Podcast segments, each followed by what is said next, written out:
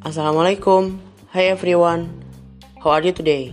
It's me, Muhammad Tandika Putra. I want to tell you about biography of Karin Novhilda, aka Aukarin. So, let's go. Aukarin is a celebgram. She's turned into 22 this year. And she lives in Jakarta. She's been viral in YouTube Indonesia because she made a video when she cried so loud just because a boyfriend. But now she's an amazing person. She have so many story in every kind of things.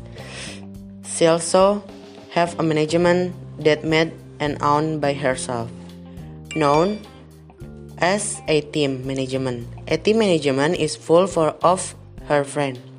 She have a tall and girl's body.